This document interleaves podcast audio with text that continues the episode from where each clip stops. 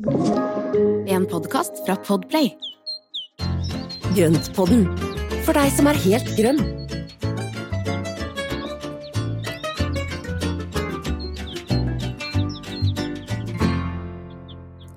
Altså, det er litt spesielt å skulle si velkommen for første gang på et år, Espen. Da sier jeg det nå. Velkommen til Grønnpodden alle sammen. Første episode 2024. Velkommen. Og det er Ja. jo så gøy, for nå har vi jo et helt nytt og ferskt, altså rykende ferskt år foran oss. Ja. Nye muligheter. Og det kan bare bli bedre, tenker jeg. Ja, ja, ja. Absolutt. Nå venter vi på fred og fordragelighet og varmere dager. Mm. Ja. Eh, jeg gikk, altså det er jo, jeg tror jeg mulig at jeg sa det her, men jeg leser jo langtidsvarselet før den der kuldeperioden som var nå. Da jo, fikk jeg jo frostskader i øynene bare å lese langtidsvarselet, så, så det, det, det er ikke, det, dette her er ikke noe for meg. Nei, og jeg klarte å ta med ungene mine opp på liksom et, etter, etter nyttårsferie til Mm. foreldrene mine i, i, i Norge. Um, og de var jo superhappy, men fy fader, det var et sjokk, altså, selv om vi hadde vi, har jo minusgrader her nede òg, men det er også Ja. liksom minus 23, det kjentes det kaldt, det. litt sånn i overkant. Ja. Ja, det er så kaldt det. Og, og sånn som i Oslo-området, så, har så har man jo en del fuktighet, og det er litt annen type kulde enn f.eks. oppi, altså si opp på Tynset, da, hvor vi har vært en del, Mm. og det er jo, ja, det er stor forskjell. Mm. Og den er ganske, den kjenner at den river i nesa, og det, det er liksom da bare mure seg inne og fyre som rakkeren. Ja. Det er bare å ta på seg ull. Og så får man si at man kjenner at man lever når liksom det river i, i ansiktspelsen, holdt jeg på å si, når man går ut. uh, ja. Men nok om det. Altså, for å si det sånn, jeg har kurert min litt sånn vinterdepresjon med å da ha kjøpt inn litt frø. eh, og er kjenner at det hjelper så godt på humøret. Jeg blir liksom Hva heter det? Jeg blir forflyttet til en annen periode av sommeren.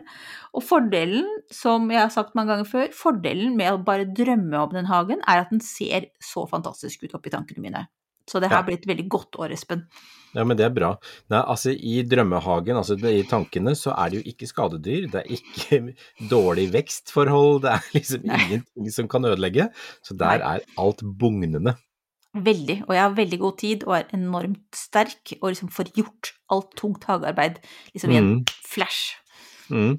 Og samtidig så sitter du da i en fluktstol med en paraplydrink og nyter alt det arbeidet du har gjort, og ser alt bare ja, blomstrer og er fint rundt deg. Mm. Ja, det er helt fantastisk. Altså, jeg har liksom sånn Hele den store dårlige samvittigheten min, som altså er bedene rundt gressplenen, er altså De er så fine, de.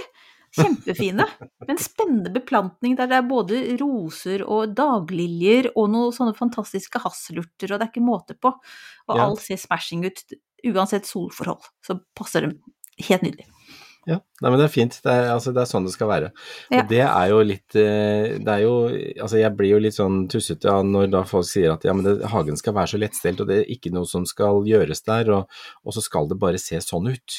Og Mm. det, det er jo ikke helt sånn i virkeligheten, da. Men det er lov å drømme. Det er lov å drømme. Og det, det, vi kan unne oss det nå.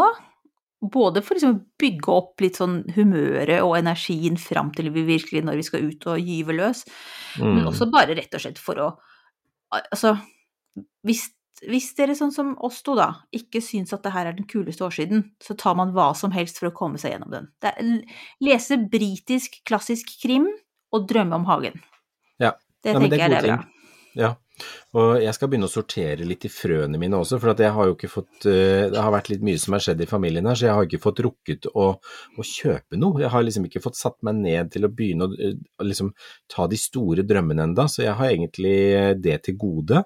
Mm. Men jeg skal ta også sortere litt på de frøene. Jo, jeg har altså prøvesådd klokkerankene, altså klokkerankefrøa mine. Det er så bra spireevne på de. Fordi at jeg Oh. hadde jo så sein Altså, vi starta jo med å, å sette frø tidlig, altså i juli allerede, og det gjør at de hang på, på planta så lenge at de var skikkelig modne og fine når jeg da tørka de ned og, og klargjorde de. Og de er litt de er ja, du, Jeg kjenner på de at det er mye, mye kraft i de, og nå har jeg Mhm. prøvesådd noen, og det var 90% spireevne. Oi, det er Ja, kjempebra. altså det så mange. Så ni av ti frø spira. Så jeg tok en sånn rad med, med ti plugger, og så spira, og, nei, eh, sådde, og så er det da ni stykker av de som er spira. Så altså- det blir ikke noe av de, da, for de, må jeg, de går i komposten. Mm. Ja, nei, for det var akkurat det som var mitt oppfølgingsspørsmål her nå. Hva, hva vil du si å prøve så? Det her er litt sånn som at man forbereder seg til sånn Bocuse d'Or og konkurranser, så man liksom tester ting underveis. Ja, det er noe med det. Det er fordi at det, det, på jobben så har vi hatt et sånt eh, Altså vi har laget en film om noe såing eh, for en kunde, og da tok, eh, tok jeg og sådde opp litt forskjellig rett og slett for at vi skulle ha noen frøplanter å vise i videoen. Eh, og marked, altså deres publiseringsplan den eh, sammenfalt ikke helt med hvordan eh, våren ser ut, så da måtte jeg begynne Nei. å dyrke allerede her i romjula under vekstlys. Ja. Ja hurra for vekstlys. Ja. Har du sittet noe under vekstlyset sjøl også, eller? Ja, men det er jo det som vil Altså, det tar meg gjennom denne tida.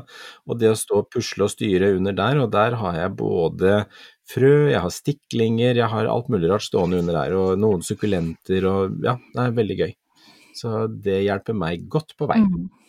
Og vet du hva jeg gjorde her om dagen? For at jeg har fått en sånn fantastisk sånn Jeg tror det heter Chardinier, men jeg er ikke sikker. Du vet en, en sånn avlang sånn keramikkrukke som Oh. man planter i. Det er sånn plass til to planter eller sånt. Eh, med, åh, den er så nydelig dekorert. Men i hvert fall, jeg fikk, fikk den av mammaen min, så nå både Mhm. hun og søsteren min og jeg samme type, for vi syns den er veldig fin. Så det var sikkert Ja. for å liksom, at ikke vi skulle stå og sikle på hennes noe lenger. Så Men iallfall. Og den har jeg liksom da eh, Den må jo ha noe fint oppi seg hele tiden. Og den har faktisk da hatt eh, Sankt Paul, ja. Under, hvite under julen. De Ja. er nå litt mer pjuskete. Jeg har ikke kasta dem, Espen, men jeg har nå, nå står de et annet sted, ikke like synlig, og skal Nei. liksom hente styrken igjen. Men Så bra. så måtte jeg ha noe annet oppi der. Mm. Og så var jeg inne på eh, hagesenteret og kjente at det var liksom egentlig ingenting jeg hadde lyst på, for alt var litt for vinter for meg. Ja. det gjorde, jeg Jeg kjøpte to rosmariner som står oppi der, Det er fint. og det var så fint. Og hver gang jeg går forbi, så kjenner jeg på dem, og så bare mm, Nydelig duft. Ah, Og da er jeg litt på godt. sommeren. Ja. Ja. Så det, Ja, men det er mm, det. er, altså, urter er helt suverent.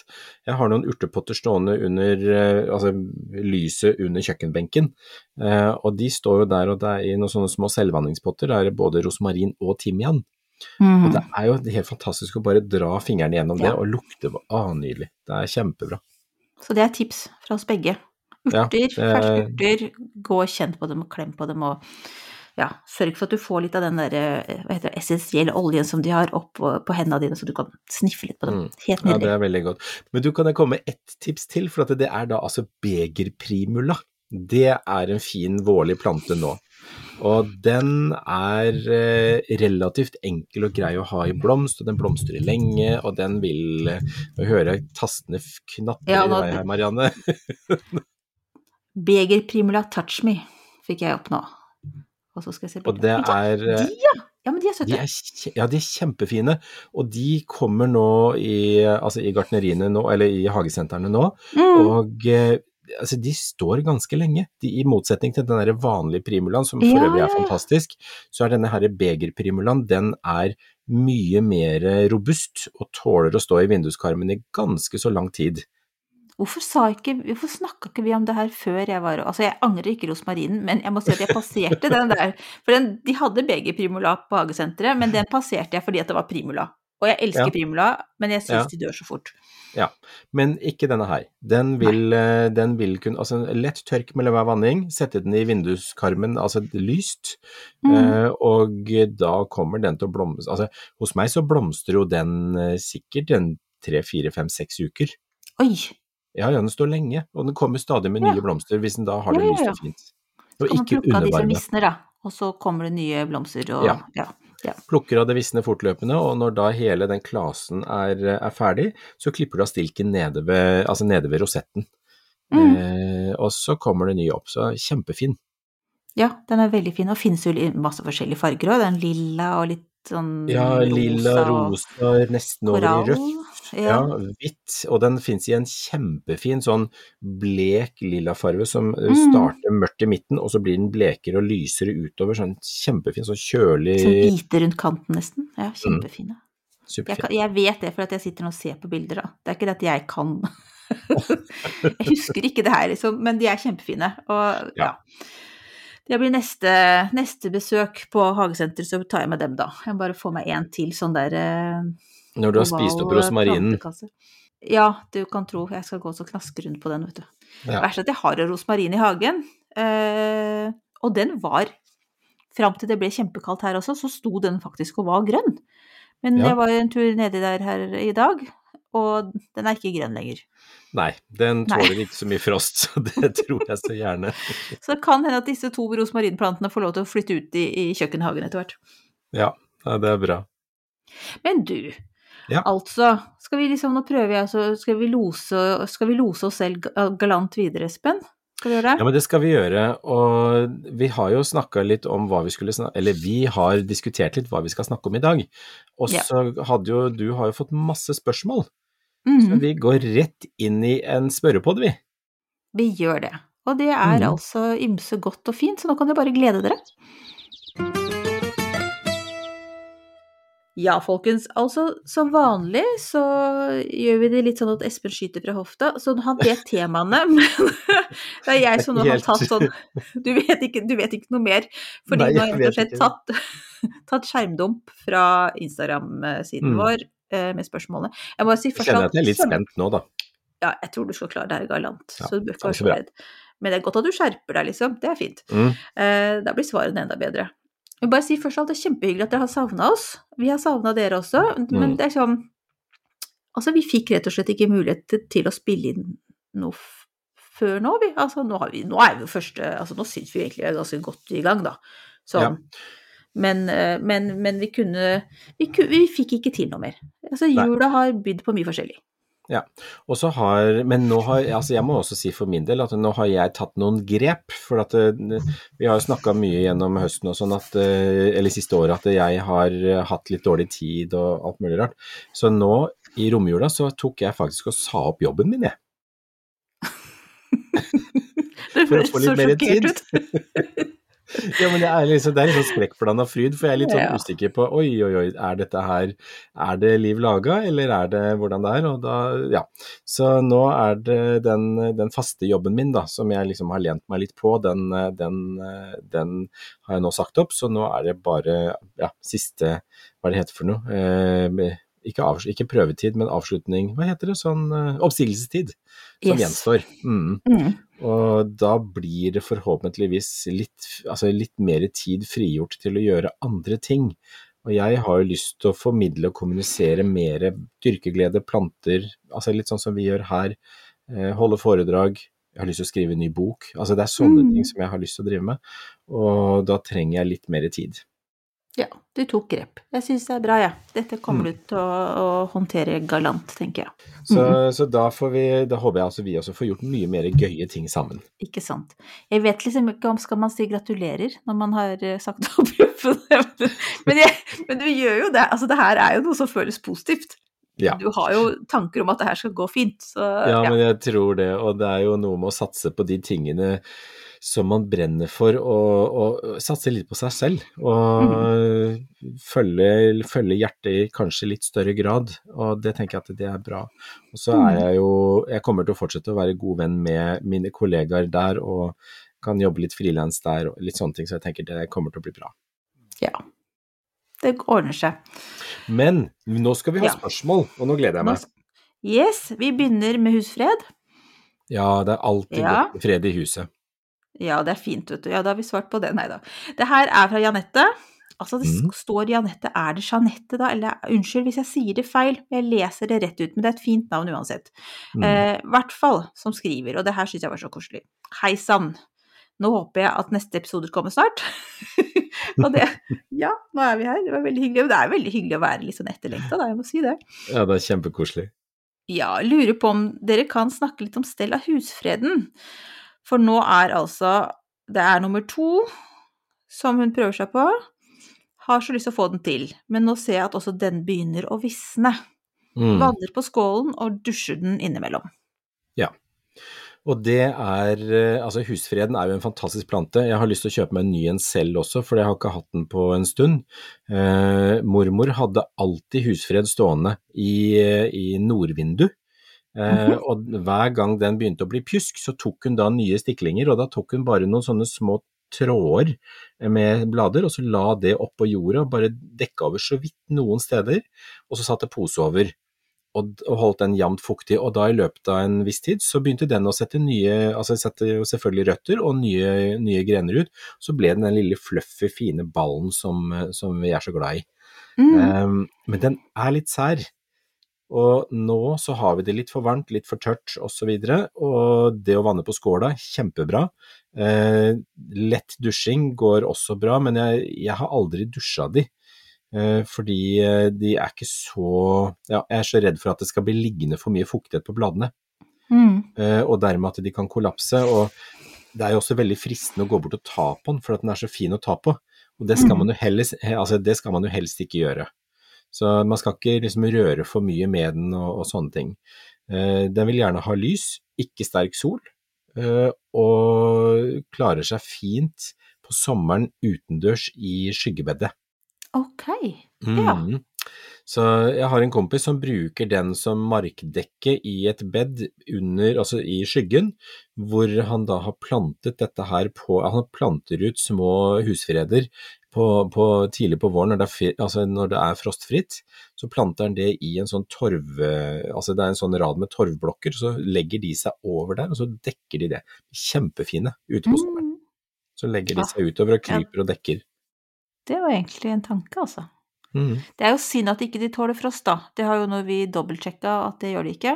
For de er jo egentlig så er de jo mm, altså, i naturen der de kommer fra, så har de jo er det jo markdekkende og, og bare ligger der og koser seg året rundt. Men vi Mm. bor jo litt for kaldt til. Ja, Og det er jo da rundt Middelhavet og rundt i områdene der hvor det er, eh, hvor det er altså også i da skygge, skyggeområder. Mm. Så det som kan være at den kollapser, kan være at det er for tørt og for varmt der hvor den står. Ta, hvis du har et rom som er litt kjøligere, og i hvert fall trekke den unna hvis det står varmeovn under, så er det lurt. Uh, og så da gi den lys, men ikke sterk sol. Nå, nå er ikke det noe fare nå, da, men, men eh, i hvert fall, eh, i hvert fall når vårsola begynner å ta tak. Mm.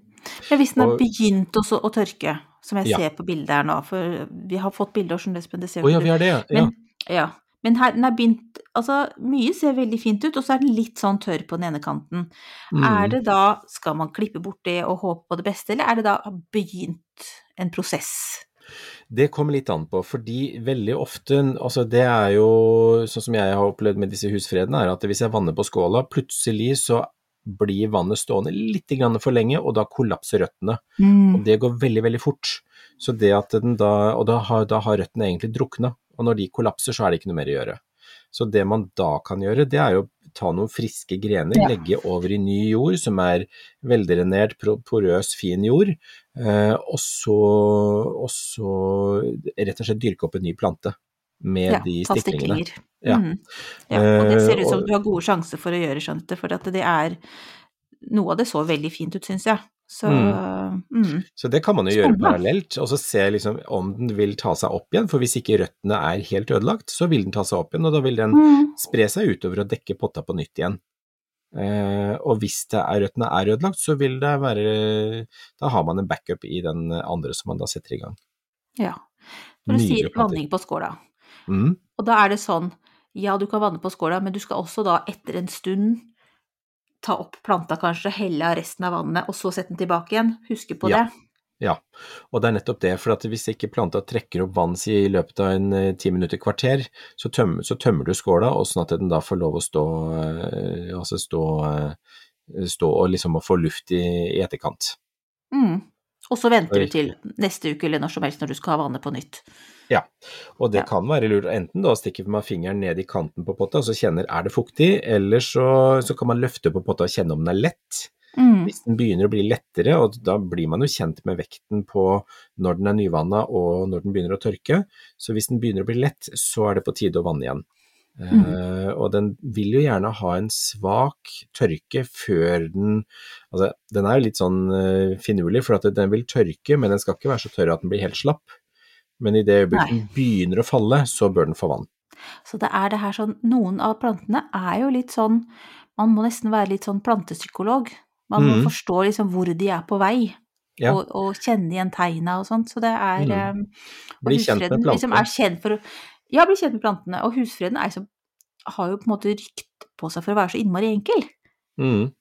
Og den er jo egentlig ganske enkel. Men den Så, har men sine du- ting. Den har sine ting, akkurat som alle oss også. Altså, ja. Velkommen i gjengen, tenker jeg. Ja. Nei, men jeg håper det her var litt til hjelp. Jeg syns, Mm. jeg syns jeg lærte mye. Nå er jeg nesten klar til å gyve løs på husfred sjøl, jeg. Ja, jeg skal ha med en ny så fort som Ja. mulig. Ja. Kanskje jeg kan få noen stiklinger av det, da. Mm. Jeg som tror på at du får til alt. Ja. Jeg må si at altså, husfred syns jeg er kjempevanskelig. Ja. Så det, det er sikkert fordi jeg ikke har vært uh, omtenksom nok. Men det som, jo, men jeg skal bare kort si før vi avslutter denne her, det, og det er jo at det, veldig mange spør ja, men hvor ofte skal vi vanne? Og det Mm. er jo et problem, fordi det avhenger av temperatur, det avhenger av hvor tørt det er, altså det er så mange variabler Mm. som gjør at du må egentlig følge med plantene og se når de trenger vann. Og har du blader som da enten henger, blir litt slappere eller blir litt mattere, så blir du etter hvert kjent med plantene, og så vet du at ja, men nå trenger den vann. Mm. Eh, eller kjenne på potta, stikke fingeren godt ned i potta, eller å løfte på potta. Begge de to tingene gjør jeg, og jeg syns det er så gode og enkle eh, tips å bare nedi med fingeren, og hvis du fortsatt er usikker, løfte på den, Mm. og da kjenner du det godt. Og så merker man jo da, hvis man har en plante gjennom lengre periode, så vil du merke, høsten så blir den, er den eh, fuktigere lengre, kanskje, eller kanskje Mm. den blir fortere tørr hvis det plutselig er varmere og tørrere inne. Så man må liksom bare tilpasse seg og, og være rett og slett interessert i potteplanten, da. Mm, man må det. Og her så fikk vi installert varmepumpe, eh, som nå for første året går som, som er kule. Mm. Eh, og det gjør at plantene på stua de tørker mye fortere ut enn det de har gjort før. Så jeg må jo vanne nå oftere, for jeg ser Ja. oi, her tørker det jo veldig fort ut. Og det, er, det er flere av plantene som ikke liker varmepumpa. Mm. Mm.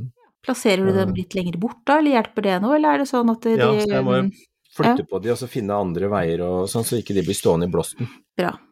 Da skal vi ta oss og få, få litt mer tips etter hvert, når du og varmepumpa er blitt, blitt bedre kjent. Så skal vi se om du har noen, noen planter versus varmepumpetips. Men nå tror jeg vi, nå syns jeg vi har fått gitt et godt svar på husfred. Vi Mm. går videre til, til vintersåing. Ja. Eh, eh, eh, eh, jo, for det er Anna som bor i Tror kanskje Anna bor i Ryfylke? Ja, det gjør Ja. Og syns det er veldig hyggelig at vi også nevner litt mildere strøk, f.eks. Ryfylke og Skåne, ja. Ja, du kan takke kanonen for det, Anna. um, ja, av og til kan det være litt vanskelig å henge med på standard planter som vi, her som vi nesten aldri har snø. Og i den Mm. siste episoden, uh, før jul, nevnte dere vintersåing. Og da lurer Anna på om man må ha snø for å få dette til. For i Rogaland så har du jo bare frost, Mm. eh, og fint lite snø. Det er kaldt, men, eh, men bart. Eh, så da lurer hun på hva man kan gjøre med det. Og så er hun også bekymret for stauder og potter i ung hage. Mm. Hjelper det å dekke sånn allment også både frø og, og disse staudene og potteplantene ute? Hjelper det også å dekke dem til med noe? Granbar og sånne ting? Ja, Nei, men det gjør det. Og altså Vintershowing, du trenger ikke å ha snø for å vintersjå. Er, du kan dekke til med løv, du kan dekke til med strie, granbar, det er jo mange ting man kan dekke til hvis det i det hele Mm. tatt er nødvendig. Fordi det er jo også de eh, plantene som da vokser naturlig i området der og trives der, så vil det være en naturlig vinter for dem, er å stå ute med barfrost. Mm. Så, og for dette, Ja. det blir jo ofte ikke så kaldt hos dere som har, det, som har liksom mildere klimasone, så blir det ikke de der ordentlig, ordentlig kalde, lange kuldeperiodene. Så, så det går an å dekke til, og sånn som krukker, hvis det blir minusgrader over litt tid, så vil jeg ha lagt krukkene på siden. Eh, og det er jo uavhengig av om det er eh, mildt eller altså, eller om det er der eller i Oslo eller hos deg, Marianne. Så, så tenker jeg at krukker under perioder med nedbør og frost, så ville jeg lagt de på siden. Fordi Mm. da vil du ikke fylle den og fryse på, fylle og fryse på hver gang det kommer nedbør, og hver gang det smelter og fryser om hverandre. For det er jo det som ofte skjer med at, eh, at eh, krukkene sprekker, fordi det da fylles på, fryser på, fylles på, fryser på. Og, Mm. og da blir det, da blir det sprekkdannelse. Ja. Eh, og så kan man her, eller sette på lokk på krukka, slik at det, det ikke kommer så mye nedbør oppi krukka. Mm. Det er jo også veldig fint hvis man har planta løk, altså blomsterløk, i krukker. Så Mm. er det viktig at det ikke blir en isklump som da sprenger i stykker løken. Ja, det er jeg litt redd har skjedd hos meg nå, da, siden vi var borte Mm. når denne kulda kom. Ja, Ja, Jeg kan legge på en helle. Det er ikke for, for håpe. Altså, det er bedre å gjøre det nå enn ikke gjøre det i det hele tatt. Absolutt, det er det. Og, og, og både det- legge på en helle, legge på en plate, hva som helst, og så eventuelt legge krukka på sida. Det går også Mm. an. Ja. Eh, Så lenge ikke det triller ut det som er oppi, da. Det vil jeg merke. Mm. Bra. Trenger ikke snø for å vinterså. Da Og så er det da Neste spørsmål er altså da Oi, her var det en som eh, En annen som jeg hadde glemt, men det er fra Vi tar det nå. Den er mest Ja. til meg, Espen. Ja, Det er Bente som eh, Hei, sier hun, i en av episodene deres i fjor sa Marianne at dill var en av de plantene som var lettest å få til. Mm. Og, og selv har hun da slitt med å få denne planten til, og jeg altså Da er det spørsmål om hva jeg gjør for å få den så flott, og jeg har jo ikke noe svar i det hele tatt, jeg. Ja. Det bare det fungerer. Altså, sorry, Bente, men jeg Altså, hos meg så har jeg jo bare sådd den uti på friland. Det er jo masse sol, mm. og, og har sikkert vanna jevnlig, tenker jeg. Men det er jo bare at det, kanskje det er den som fungerer oppi jorda mi, da. Det er litt samme som at, at jeg alltid klarer blomkarse, og det har du av en eller annen grunn litt mer problem med, Espen. Det er som sånn Jeg vet. livets mysterier. Så det var fryktelig dårlig eh, tips og råd, Bente. Men eh, eh, for å si det sånn, jeg blir like lykkelig hver gang jeg får til noen ting i hagen. Jeg. Men jeg tror, jeg tror det, den liker jo sol. Og Den liker sol. Ja. Som de fleste krydderplantene så liker, eh, og grønnsakene så liker dillen sol. Og, og det å da rake ut og drysse inn noe frø i sol, delvis sol, eh, altså i et bed da, hvor det er sol og delvis sol, rake ut det så fort jorda er varm og mulig å bearbeide, så Mm. tenker jeg at det er lurt, for at da vil de begynne å spire på stedet, så slipper man å prikle og ordne og styre og herje. Jeg tror ikke jeg hadde giddet å forkultivert de. Jeg har prøvd det sjøl, skjønner du, og det funker veldig dårlig hos meg.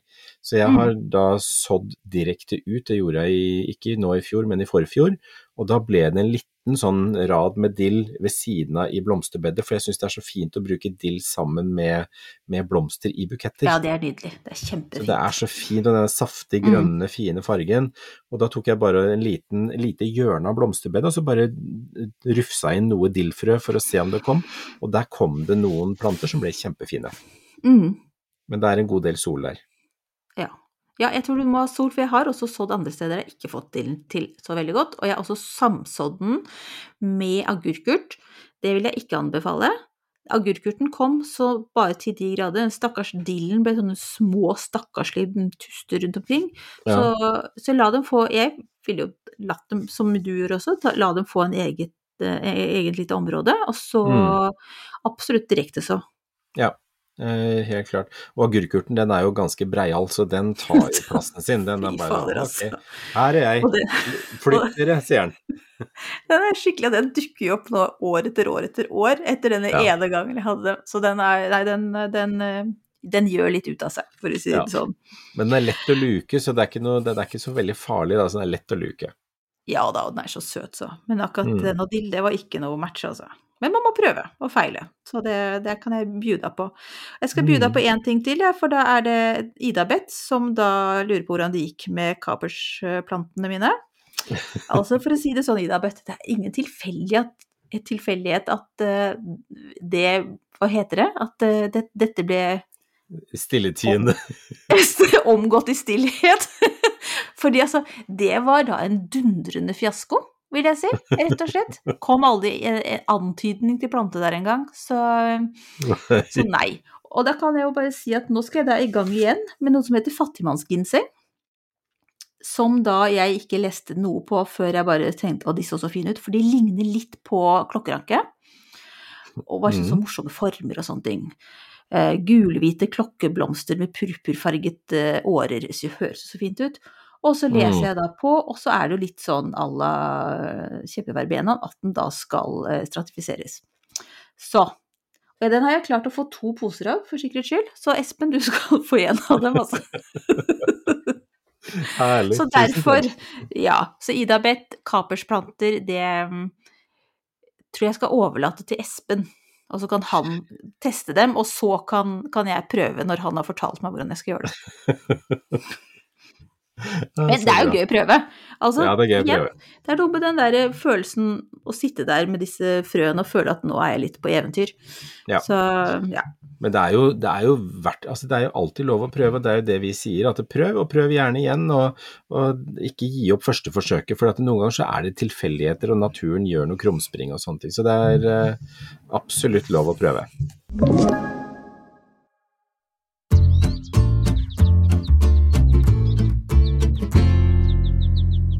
Ja, Espen. Nå har vi Hilde som lurer på eh, Jo, for hun har begynt å kikke på frø, og Mm. ser at det er mye prisforskjell på samme type frø fra samme nettbutikk. Er det forskjell på kvalitet? Og, um, og se. I tillegg har de billigste flere frø i posen også. Hva er deres tanker om dette? Oi. Eh, Men da er det altså et eksempel er da, Jeg vet ikke hvilken butikk det her er, men da er det altså da Vingetunbergia. mm, Eh, og da er det litt forskjellige typer. Altså, jeg vet ikke helt, for her kosta det jo akkurat det samme, så det var litt vanskelig for meg å se hva eksempelet er sånn. Men det er da altså samme, samme sort, men forskjellige mm. farger. Ja. Men da kan det vel være det, da, at det er der det ligger, at eh, noen er vanskeligere å få tak i frø til og sånn.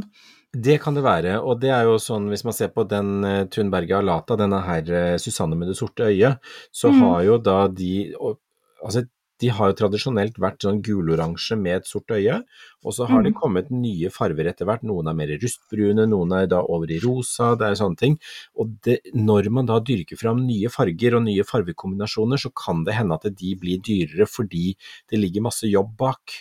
Ja, Eh, og at noen også har beskyttelse i forhold til rettigheter på produksjon Mm, eh, i ja. en viss tid.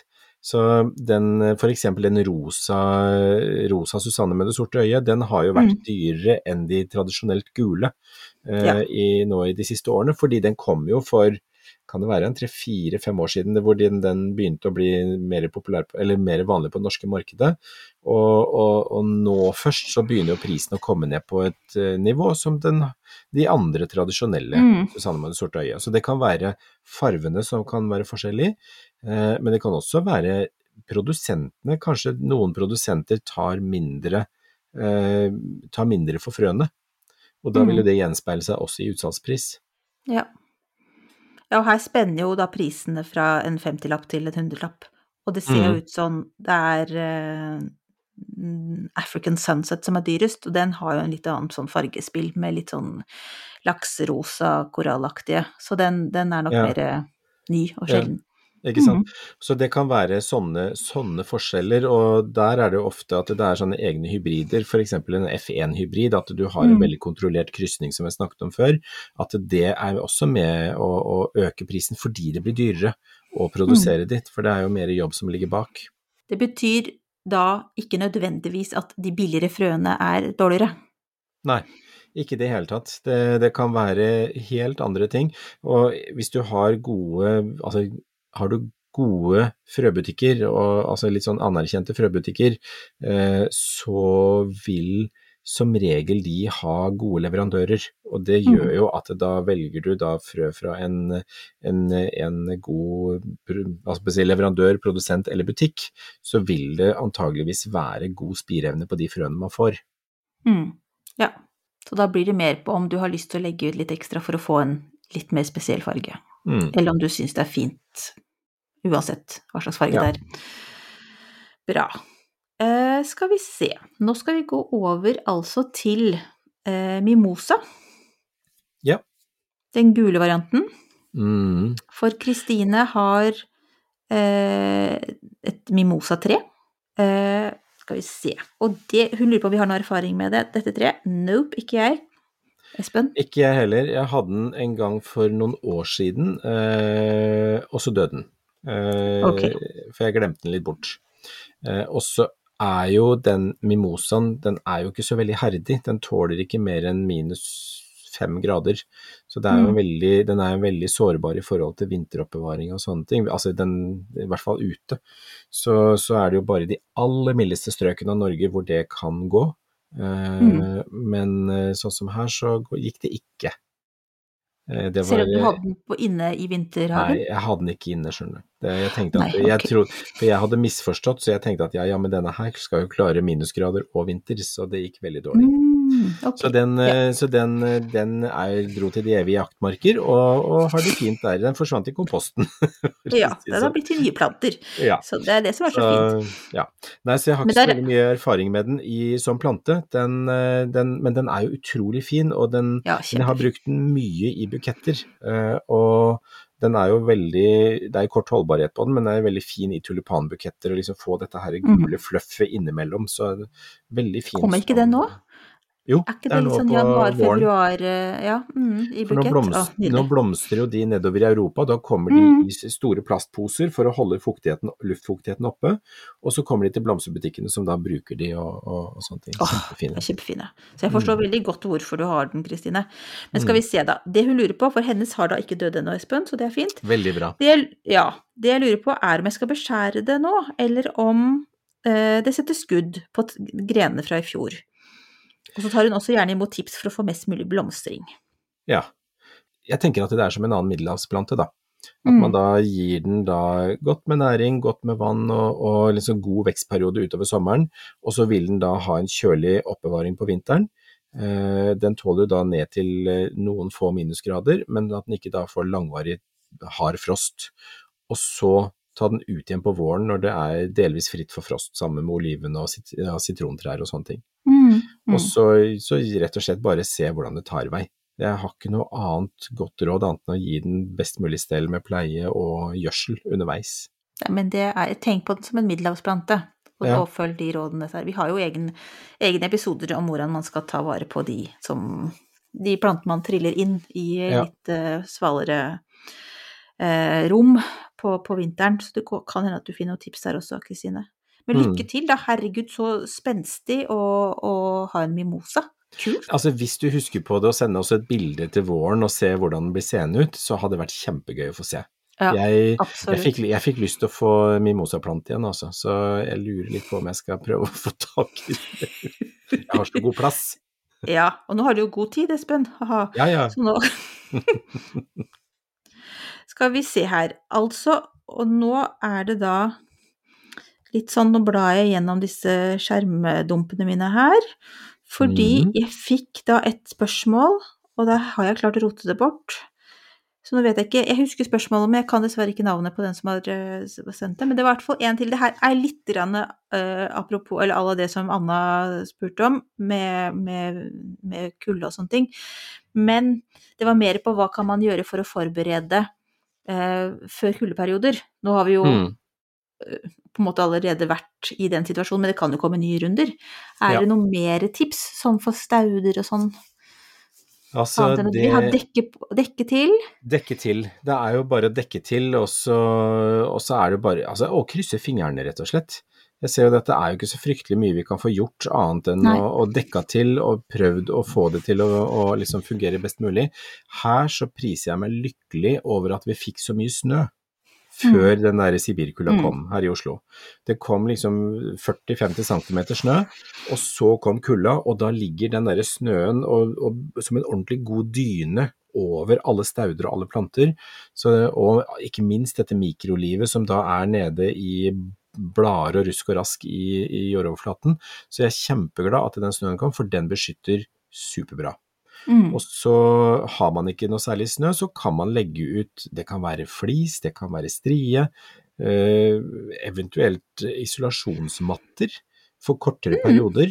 Mm. eh, Snømaskin? noe-. Ja, snømaskin. Kaste over snø. Det er ekstra snø der hvor det er Ja, du tenker på å lage snø, du. Det tok litt tid før polletten datt ned hos Jeg bare men det tulla. Men det burde man jo nesten Kanskje det hadde vært et lite nisjeprodukt, Espen? Ja, det For tror jeg. hageeiere? Snømaskin. Ja. Snømaskin. Lage snø til å dekke plantene. Kjempebra.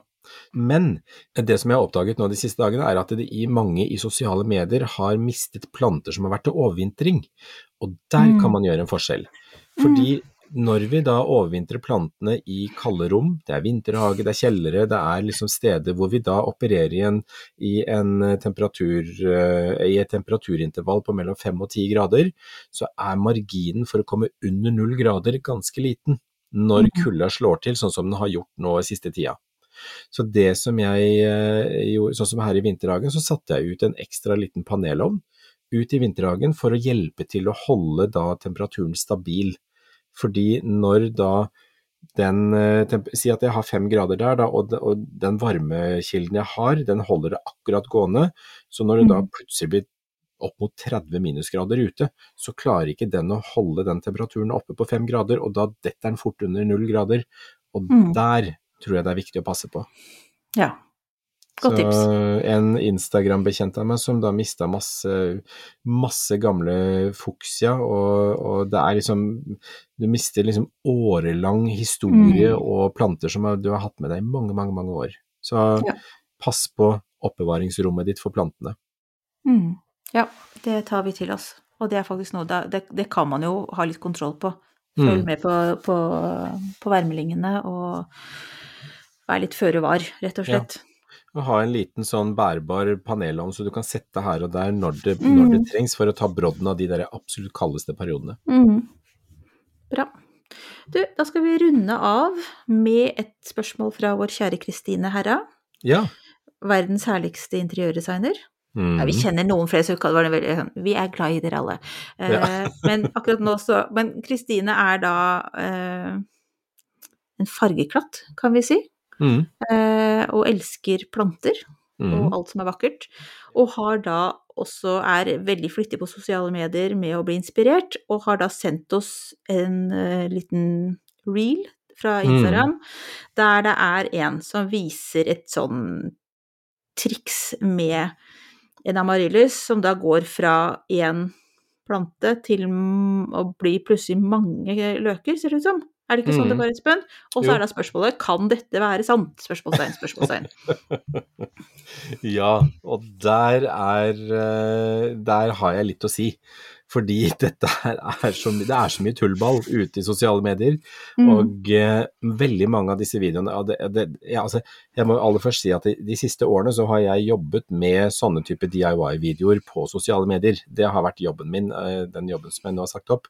Det er rett og slett å lage videoer som eh, ser enkelt ut og på ting du kan gjøre selv.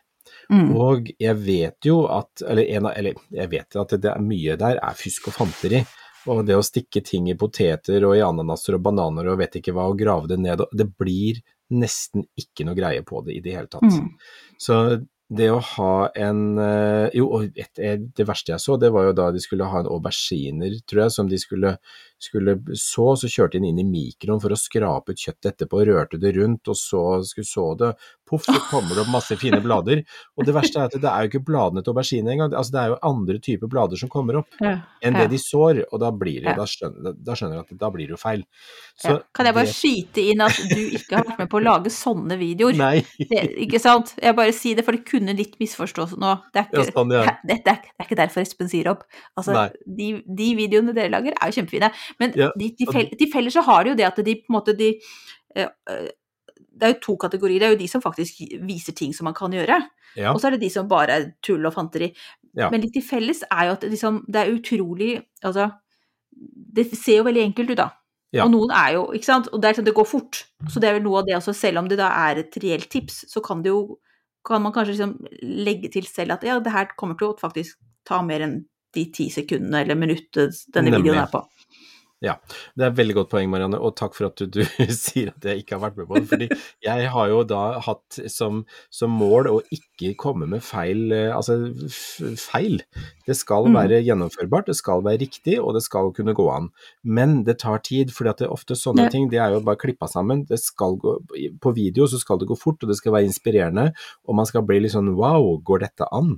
Og det Mm. er jo litt av det også, Kristine også spør om, ikke sant. Og det her viser jo da at du kutter toppen av en amaryllis, fjerner liksom det, og så setter den masse nye sideløker, som da på sikt blomstrer. Og så blir det en stor tue med, med amaryllis som blomstrer. Men det som det ikke sier noe om, denne her videoen den tar sikkert 30 sekunder, men det det ikke sier noe om er at det tar kanskje flere år før de løkene er store nok til å gi sånn blomstring. Og at Ja. den tua har blitt så stor, det tar Mm. flere år med dyrking. Eh, og det er komprimert ned på 30 sekunder. Og så blir man litt skuffa og lei seg da når ikke det skjer noe i løpet av første sesongen, kanskje. Eh, og jeg driver jo nå med et lite prosjekt med jobben hvor jeg skal ha sånn timelapse på spirer som kommer opp. Eh, og har jo holdt på med nå filming og, og styring og mukling nå i, i tre uker. Og det blir en video som tar kanskje fem sekunder. Mm. Så det er noe med å, å tenke seg at det tar tid for at plantene skal utvikle seg, for at naturen trenger den tiden den trenger for å utvikle seg. Mm. Og Bra. ikke ta altfor god fisk. Spør en god venn, eller uh, send gjerne oss hvis det er noen som lurer på det, for at dette her syns jeg er litt morsomt også, å se hvor mye gærenskap som kan være på sånne videoer. Mm. Ja, send oss gjerne Hvis dere har noen eksempler, så er det veldig gøy så hvis dere kan sende oss det. Så kan vi ta en runde til på det her, vi. Mm. Takk for at du sa at ikke jeg lagde sånne fæle, dumme videoer. Ja, for jeg, ja, fordi at jeg tenkte Jeg vet jo at du vet det sjøl, men det var sånn hvis noen skulle misforstå. Espen, så bra. Altså, vi har da gjennomført eh, årets første spørrepod i årets første episode. Syns vi er kjempeeffektive. Så bra. Ja, ja, så er det så hyggelig. Jeg syns jo dette er så gøy, for at det kommer så mye gøye spørsmål, og det, det er jo noe vi skal gjøre mer av i året som kommer også, så Ja. kjempegøy. Mm. Så bare fortsett å sende inn spørsmål, så tar vi og luker dem ut og tar dem med i episodene våre. Mm. Men vi skal jo ha ukas plante, og da ble vi litt inspirert av et av spørsmålene. Mm. Og da kan du fortelle hvilken plante vi skal ha. Og da, ja, for der, når det var snakk om mimosa, så umiddelbart så tenkte jeg på den andre mimosaen som vi kan dyrke i potte inne, og det er den som Mhm. heter sanseplante, eller mimosa pudica, som har Veldig fin. ja, rosa-lilla små buskete blomster, og så har den sånn finflikete små blader, som når du kommer borti, så bare klapper den seg sammen, og så lukker den Mm. seg helt ned. Så står den og venter på at ting skal gå over, og så kommer den opp igjen eh, en liten stund etterpå. Minner meg om sånne barbapappa, Husker du barbapappa-trærne? Ja, Det er litt sånn. Kanskje det er der Mhm. det er inspirasjon fra. De er kjempesøte, Det- veldig fine. ja. Har tatt knekken på den planta flere ganger, så ta gjerne imot tips til hvordan Ja. man ikke skal drepe dem så fort. Ja, og den vokser jo normalt så vokser den i, rundt omkring i Asia og altså store deler av Asia, men den har jo også vært eh, Enkelte steder så er den også invasiv, for den sprer seg jo. Den tåler jo ikke frost, og det er jo da i frostfrie områder. Eh, og den eh, det var noen land i Afrika, tror jeg, Tanzania blant annet, som, så hvor den da regnes for å være invasiv. Så den Mm. er, jo, den er jo litt sånn rampete av seg, men eh, den ser så liten og uskyldig ut, og her i Norge så kan vi jo ha den i potte. Eh, Mhm. Og jevnt fuktig, lyst, ikke sterk sol. Eh, Det er en sånn halvskyggeplante som er kjempefin, og den blir litt sånn der slenget i veksten etter hvert, så det lønner seg å da så nye frø med jevne mellomrom. For det, man kan få kjøpt frø av den. Ja. Mm. Men hvis man har kjøpt den ferdig oppvokst i en butikk, så er det egentlig da å i hvert fall ikke stille den i en solfylt vinduskarm, da. Nei, ikke det. Mm. Og, Kan være der jeg feila, Espen. Ja, det kan, står og baker i sola. Gi en Ja. solkrem først, eller gi en liten skjerming. Stakkars. Ja. Men det er en veldig søt plante, Ja. veldig morsom plante, og altså, for alle dere som har barn, så er det en Altså, det er jo så gøy å se at det, da planta responderer ved at den blir tatt på. Mm. Litt samme som med disse spiselige, nei, kjøttspiselige, sier jeg, kjøttetende plantene. Mm. Mm. Ja, men det er sant. Det er en fin, fin introduksjon til plantenes verden for å vekke litt eh, nysgjerrighet og interesse. Mm. Kjempegøy. Så løp og kjøp frø eller Yes. plante. Ja. Ukens spørsmål syns jeg vi er unnagjort, så nå kan vi egentlig snakke litt Og vi har jo også snakka litt om hva vi skal gjøre, eller hva vi holder på med, men du kan jo få lov til å avrunde episoden med litt sånn Har du noen konkrete ting som uh, står for døra? Altså, Ja, jeg skal, eh, jeg skal eh, egentlig begynne å lete etter frø og knoller og begynne å for, altså forbestille georginer. Eh, For at jeg har sett noen georginer i år som, som jeg har veldig, veldig lyst på. Mm. Og da, det er jo noen som er litt mer runde, sånne ballforma med kronbladene litt mer foroverretta. Som jeg har sett flere sorter nå på noen Instagram-kontoer som jeg tenker at jeg skal gå tilbake, fordi på Instagrammen min så har jeg laget meg noen sånne mapper, eller sånne huskelister, hvor jeg har lagret eh, mm. planter som jeg har lyst på, og som jeg tenkte at ja, men denne vil jeg se litt nærmere på senere.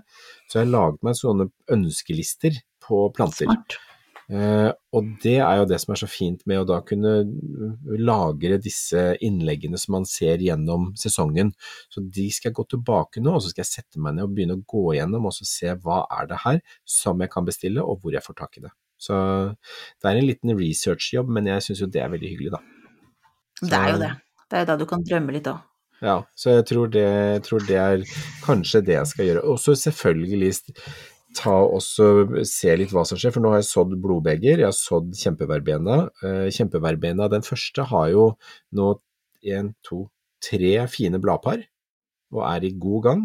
Så mm. nå har jeg kommet opp én til, så jeg tenker at da er det én til deg og én til meg, Marianne. Så Ja, takk. der er det på vei, så her dyrkes det. Å, herlig. Ja, det er godt å høre at du er i gang. Det er liksom så Mm. betryggende. Det Det er så bra. er ledestjerna er i gang.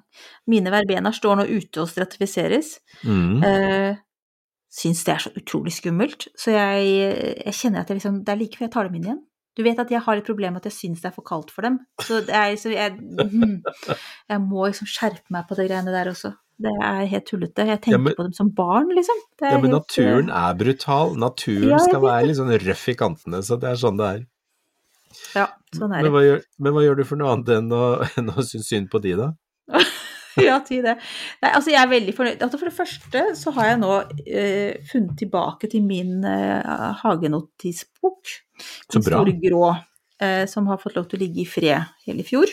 Mhm. Eh, så nå har jeg begynt å skrive opp hva jeg gjør, så det har litt sånn, litt sånn oversikt til neste år også. Sånn gangen i ting. Og så har jeg begynt da, så jeg har skrevet her, løftet til meg selv, er at jeg i år skal jobbe med jordforbedring i kjøkkenhagen. Ja. Så jeg må lese litt opp på temaet. Eh, og det er jo, og så tenker jeg også nå litt i etterkant at grunnen til at det gikk så dritt i fjor, var jo at det var fryktelig mye Det ble jo så fuktig. ja. Så potetene råtna, alt råtna ble dritt. Så, men jeg tenker at det, det skader jo ikke å forbedre jorda litt, for den er jo ganske tung og leirete i utgangspunktet. Den er nok ikke for tung egentlig, for den, den er veldig, veldig jeg grobar. Det er mye som Mm. koser seg der. Men i fjor så tippa det. Så jeg tenker at jeg må gjøre den litt lettere. Ja. Så det er, eh, ja, det er et, et tips. ja. Og hvis den er da tung og leirete, så er det greit å få inn mer humusstoffer. Altså det vil Ja. si plante, altså nedbryt, nedbrutt plantemateriale og, og delvis nedbrutt plantemateriale. Så, Ja. Og jeg har da tenkt jeg skal legge på masse halm, som vi har. mm, Er det greit? Ja. Det er kjempefint. ja. Så det er jeg i gang med. Så når det igjen ikke Jeg holdt på med det før jul, for det var helt perfekt temperatur. Mm. Og så ble det iskaldt, så nå har jeg latt resten av Vi har en enormt masse halm liggende på, i uthuset, så vi må bli kvitt. Så det er liksom bare fantastisk. Og det brytes jo veldig fint ned når du har en levende jord, og det, jeg tenker dette her er noe jeg har lyst til at vi skal snakke mer om utover sesongen. Det er jo Mhm. da rett og slett å få altså, jordhelse og det å ha en levende jord, sørge for at det er et godt mikroliv og alt dette her, det tror jeg vi skal ha som en sånn ja, vi skal ha det som et lite mantra, både du og jeg, tenker jeg. At vi har Ja. det som fokusområde utover hele året. Veldig enig i det.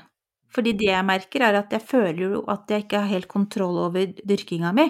Mm. Eh, og at noen ganger går det bra, andre ganger går det ikke så bra. Men at jeg har liksom lyst til å ta ett steg tilbake, da. Mm. Og faktisk bruke den tiden det tar på å, å forbedre disse bedene. Så blir det kanskje ikke superavlinger eh, dette året eller neste år, men at jeg da vet at jeg jobber med det. Så Mm. det er det jeg liksom lyst til å ta, ta, ta jorda på alvor. Og Ja. prøve å hjelpe den. Så, Ja. så det, det er liksom et litt sånn overordna tema Ja. på det. Så bra. Eh, og, i, og i tillegg så driver jeg da og planlegger hvor, hva jeg skal ha hvor i kjøkkenhagen, og har nå liksom tegnet opp mitt sedvanlige kart eh, med rødt for det som skal gjøres, og grønt for drømmer. Nå syns jeg du er veldig organisert. Jeg, jeg, altså, jeg skal bare vise deg. Da kan, her kan ikke dere se, nå skal jeg vise til Espen. Sånn. Nei, du Her er det- Dette her er jo Her er rad. A. Ikke sant? Vi har liksom, det er midt, det er en sånn midtgang her sånn. Ja. Og så er det, så det er på A, det er ene siden, og B er på andre, så er det liksom A1 og oppover. Så det er da eh, åtte eh, sånne eh, Altså det, Det nesten det Det blir jo nesten parseller. Altså, Ja, det er parseller. Ja. Og noen er det jo da, noen av de har jeg da, noen er det buksbom i, ikke sant, så da må jeg beskjære dem for de begynner å bli litt for høye, men de lurer Mm. også godt, så det er liksom sånn at Mm. jeg prøver å finne ut hvor er det lurt at f.eks. for eksempel jeg planter poteter, da skal de stå bak den ene buksbomhekken der det er som gjør det godt og varmt, men ikke så mye sol, eller blir det feil? Så jeg må, liksom, jeg må faktisk lese meg litt opp på ting. Mm. Så, Så så, det gøy. på med. Ja. Ja. Nei, men så bra. Nei, det er jo Ja. kjempegøy, og veldig strukturert og fint. Men jeg har bare lyst til å si én ting. Det med fjoråret hvor ting ikke ble så mye av, det Mm. er jo Altså, det var jo en ganske dårlig sommer for veldig mye dyrking. fordi at det var for, Mm. det Først så ble det veldig tørt og varmt, og så ble det kaldt og vått.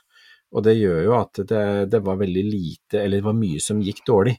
Eh, og nå sist helg så var vi på en tur hvor jeg da ble sittende og snakke med en gårdbruker som driver da blant annet med quinoa.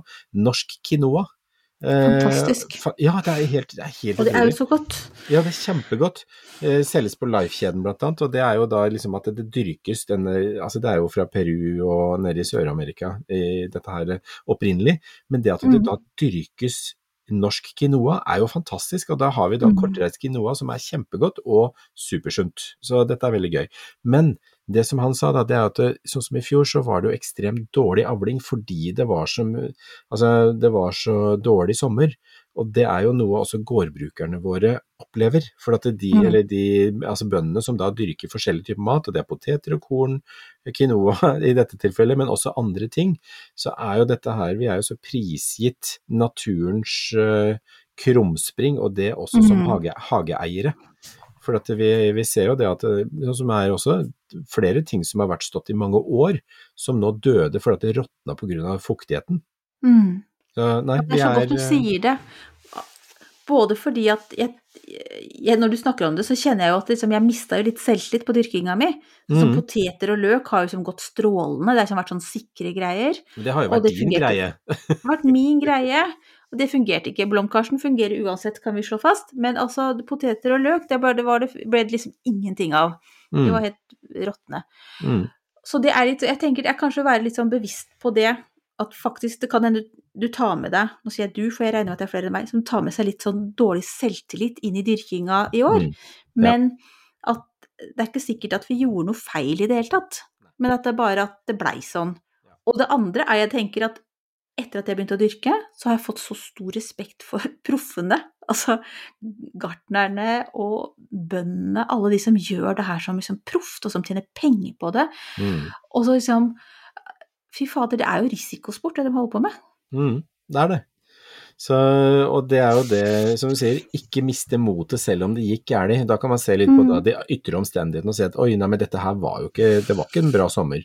Og så er det da mulighet til å prøve på nytt igjen, og der er jo vi som hageeiere veldig heldige, for vi kan jo få tak i nye planter, og vi kan, få, altså, vi kan jo liksom prøve oss en gang til, og vi, vi ja, vi, banken kommer ikke og banker på døra fordi om det går dårlig i Mhm. hagen. Så, så sånn sett så er, det, er vi veldig heldige, og så tenker jeg at ikke gi opp, ikke ta og mist motet. Noen ganger så skjer det bare. Noen ganger Ja. så går det galt. Og kanskje man noen gang kan lese seg litt opp på det. Er det noen Mm. ting man kunne ha gjort bare for å liksom, hindre at det skjer igjen? Men ikke, nei, vi må ikke gi opp. Og- så tenker jeg også at i disse tider, når vi som i økende grad blir bevisste på at det er kjempefint og viktig at det er lokal produksjon, tenk også på det litt når du handler og, og sånn, at vi støtter opp om de eh, som faktisk holder i gang jordbruket vårt. Mm. Eh, Velge, velge ja. lokalt. Ja. Dette skal vi snakke om mer om også, så det, Det skal vi snakke om en annen nå, har vi, nå har vi mange Oi. planer. Du, nå er vi på ny pers, tror jeg. Faktisk. Ja, Nå er vi skal vi- galant runda timen, men får vi se, da kanskje det blir litt mindre når Espen er flink til å redigere, vet du. Skal vi se. Det blir spennende å se hva det her blir til slutt. Nei, men du, det her i hvert fall var en fin start på året. Så Ja. hyggelig å være tilbake I sammen like med dere, måte. folkens. Ja, Kjempehyggelig. kjempefint, Espen. Ja. Og takk for gode spørsmål, så, så fortsett med det. Og så høres vi om ikke så altfor lenge. Så takk for i dag, og ha en god helg. ja. Ha det bra, alle sammen.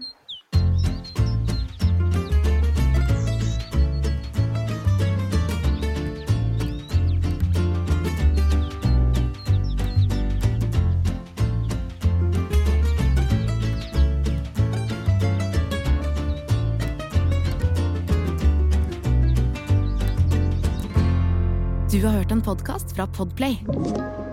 En enklere måte å høre podkast på. Last ned appen Podplay, eller se podplay.no.